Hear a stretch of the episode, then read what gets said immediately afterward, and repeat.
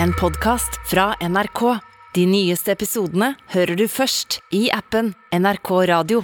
Abid Raja, kjent som politiker og kulturminister eh, for ikke så lenge siden, skrev eh, bok i høst, 'Min skyld', og nå er den nominert til Bokhandlerprisen. Den deles ut av Den norske bokhandlerforening hvert år. Tidligere har bare to sakprosabøker vært nominert, og nå altså Rajas bok. Den konkurrerer eh, bl.a. da mot Per Petterson og Tore Renbergs bøker, kjente navn begge to. Vinneren da kan få en bronsestatuett av Nils Aas. Har du noen idé om hvor det sinnet kommer fra? spurte psykologen enkelt. Er det noe annet i livet ditt som du egentlig er sint for? Tidligere kulturminister Abid Raja sitter i et studio og leser høyt fra sin egen bok Min skyld, som nå også skal bli en lydbok. I den forteller han om sin egen oppvekst, med vold, sykdom, skam og skyldfølelse. Alt jeg klarte å se og tenke på var barndommen min og min fars oppdragervold. Reglene om alt jeg ikke var og kunne. Nå er det nominert til Bokhandlerprisen 2021. Kun to sakprosabøker har vunnet Bokhandlerprisen tidligere. Det, det, kjennes veldig rart, men jeg kjenner også på faktisk en stor stolthet over det. Vi hadde bare én bok hjemme da jeg var liten, og det var Koranen. Og det var bibliotekarene som lærte meg å lese. Jeg mener de som jobber i bokhandlerne og bibliotekarene har veldig mye til felles. Det å bli nominert av en gruppe som er altså jeg vil si førstelinja, eller grunnstammen i litteraturformidling. Det er, blir jeg sterkt rørt over. Altså, det, er jo et, eh, det er jo et stort drama. Litteraturkritiker Marta Norheim tror nominasjonen skyldes en historie om en person som klarte seg bra mot alle odds. Han kunne blitt kriminell, han kunne blitt eh, kua såpass av familien sin at det ikke hadde gått noe bra. Eh, han hadde noen helseproblem. Og så vet vi jo allerede når vi begynner å lese boka at det kommer til å gå bra. Det er både hans egen innsats, men også gode hjelpere som på en måte dytter han, og tilfeldigheter som dytter han i riktige retninger til slutt. Eh, og det er jo en veldig gripende historie å lese. Tall fra Bokhandlerforeningen viser at Rajas bok ble den mest solgte sakprosaboken i september. Norheim tror boken har blitt populær fordi man kan kjenne seg igjen i følelsene som skildres. Det er en som har vokst opp i eh, landet vårt, og som har hatt så veldig annerledes erfaringer enn gjennomsnittsnordmannen har hatt. Selv om veldig mange vil tangere de problemene, så er de veldig spesifikke i hans tilfelle. Så også det der med at det er veldig nær og samtidig veldig fjernt, tror jeg er fascinerende. Den ferske forfatteren sier han har fått mye og god respons på Min skyld. Det er spesielt én historie som Raja husker godt. Det var en 92 år gammel dame som hadde kjøpt med seg boka. Hun var en fast eh, kjøper. Og kom tilbake dagen etter, måtte lese det på én dag og la inn et eh, håndskrevet kort, for hun visste jeg skulle komme innom. Og det gjorde inntrykk på Abid Raja. Reportere var Munever Gildis og Anita Kristiansen. Vi har fått besøk i studio vi av eh, Gaddafi Saman, journalist i TV 2. God morgen. God morgen. Også du er ute med bok, og den kom ut i høst. Den heter 'Den norske drømmen fra Punjab til TV 2'. Hvilken betydning har det at du og Abid Raja og andre da med flerkulturell bakgrunn forteller om livet deres? Jeg tror det er veldig viktig. Eh, dette er jo en del av norsk historie. Eh, og spesielt altså en av de første store innvandrergruppene som kom til Norge for 50 år siden, nemlig fra Pakistan. Eh, hvordan ble de møtt av dette landet?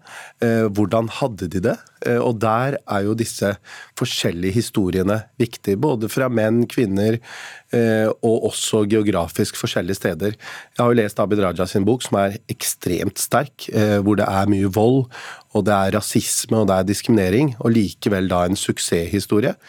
Min min historie er helt annerledes, hvor alt har vært eh, helt fantastisk. Og jeg tror Norge på en måte trenger disse forskjellige beretningene. Mm.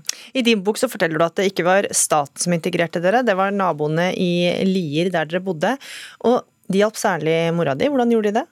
Nei, altså eh, i, denne altså researchfasen så spurte jeg mor hvordan var det. Altså Hun kom til et helt fremmed land, kunne ikke språket. Eh, og det første året var eh, veldig tungt. Hun sa hun gråt mye. Men så var det da nabodamene som fortalte at vet du hva, her så gjør vi det sånn, det er viktig å få førerkort, det er viktig å få seg en jobb, det er viktig å stille opp på dugnad. Og etter hvert når man får barn, ikke sant, dette med å ja, kjøre ungene til og fra trening, hele det, eh, altså pakka man kan kalle integrering, det var lokalsamfunnet som eh, lærte mor og far.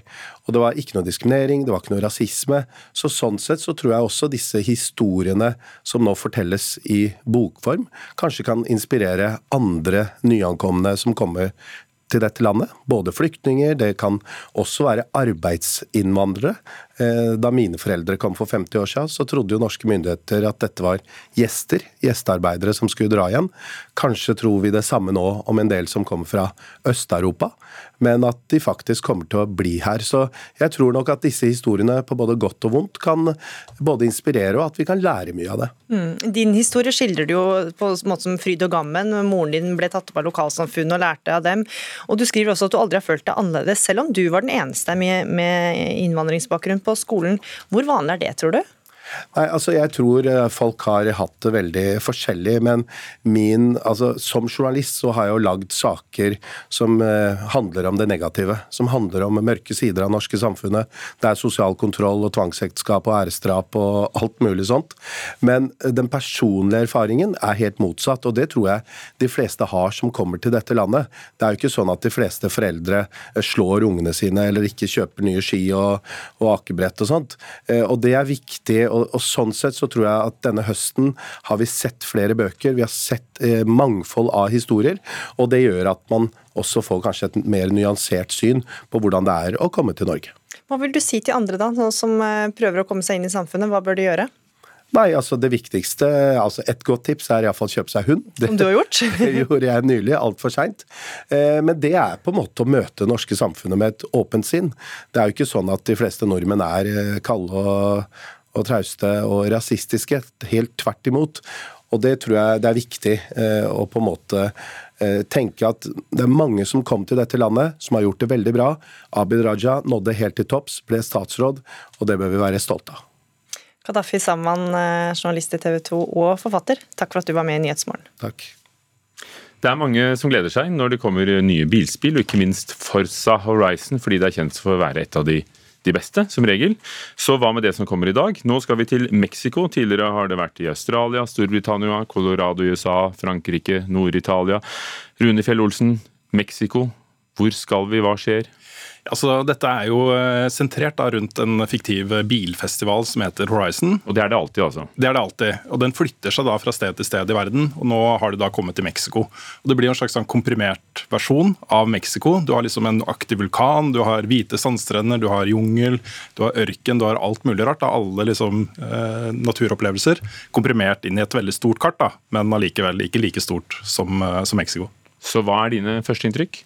Nei, Det er et utrolig bra spill. og jeg sa at Spillet kommer i dag, men du har fått prøve det. Du og noen få andre. Ja, stemmer. Det var eh, De som forhåndskjøpte, fikk tilgang i helgen. Og så er det jo anmeldereksemplar da, tilsendt av Microsoft uh, litt i forkant.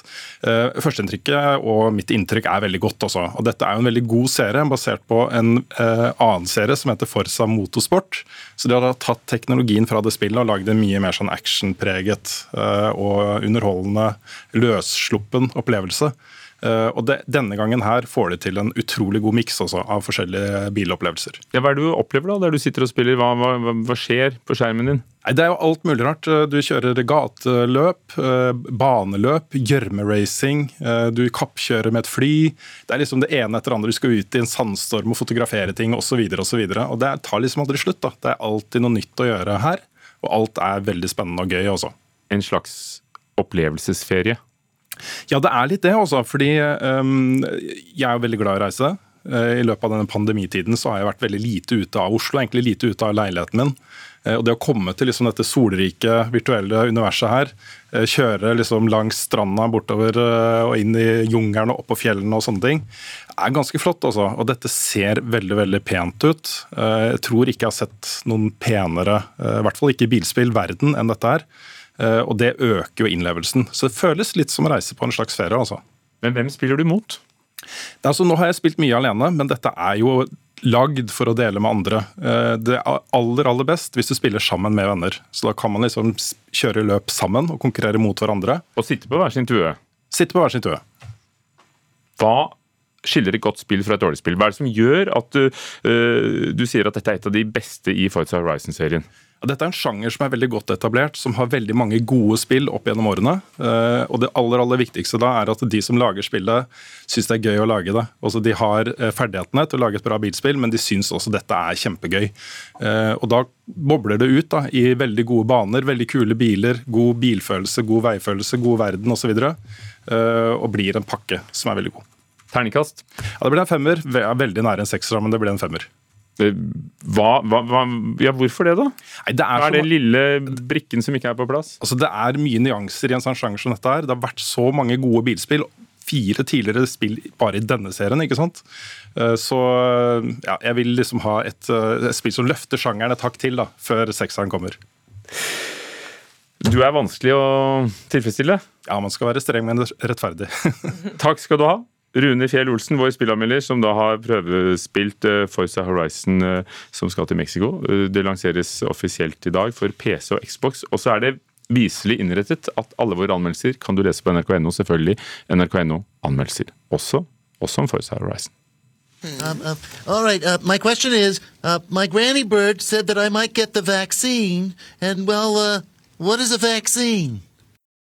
Nå skal det handle om en stor gul fugl, og ikke visste jeg at fugler kan ta vaksine, men søndag annonserte fuglen Big Bird på sin egen Twitter-konto at han har tatt koronavaksinen.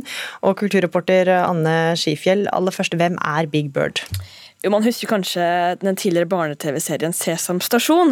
Og Big Bird er en stor, gul fugl fra den amerikanske versjonen av programmet Sesame Street, som har gått på amerikanske skjermer siden 60-tallet og fortsatt går den dag i dag. Og Tweeten kom jo i forlengelse av en episode av programmet som var dedikert til koronavaksinen, hvor barn og foreldre kunne sende inn spørsmål som de hadde om vaksinen. Og dette her er jo en veldig populær eh, figur. Eller, hvorfor, hvorfor har han valgt å ta vaksinen? Eh, selv om serien har gått siden 60-tallet, er Big Bird fortsatt ung, han, og er stadig seks år gammel. og Nylig ble koronavaksinen i USA tilgjengelig for barn mellom fem og elleve år, og i dette aldersspennet befinner jo nettopp Big Bird seg. Og Han er dermed altså i riktig alder for å kunne ta vaksinen i USA, noe han da gjorde. Og Han fikk også skryt av den amerikanske presidenten Joe Biden for å ha gjort dette. Men så er det jo ikke alle som er like begeistra for eh, dette stuntet. Hvorfor blir det kritisert? Jo, den, nei, den republikanske senatoren fra Texas, Ted Cruz, var jo lite fornøyd med fuglens valg. Han omtalte det som statlig propaganda rettet mot femåringer. Og siden da har han lagt ut eh, flere Twitter-meldinger hvor han gjør narr av fuglens avgjørelse. Og så langt har fuglen ikke svart. Og Flere har også kritisert den, bl.a. mediefiguren Ben Shapiro eh, har vært kritisk til fuglens valg, fordi de mener at man vet for lite om hva slags effekter den vaksinen kan ha på barn. Men det at eh, programmet Sesame Street, eller Sesam stasjon, da fronter koronavaksinen, det er ikke så uventa? Nei da, eh, dette er jo heller ikke første gang eh, programmet fronter vaksiner, eller oppfordrer barn til å ta vaksiner. Tilbake i 1972 bar de også barn om å ta vaksinen mot meslinger. Så det er flere oppfordringer fra stasjonen, programmet. Takk for oppdatering av kulturreporter Anne Skifjell. Du har hørt en podkast fra NRK. De nyeste episodene hører du først i appen NRK Radio.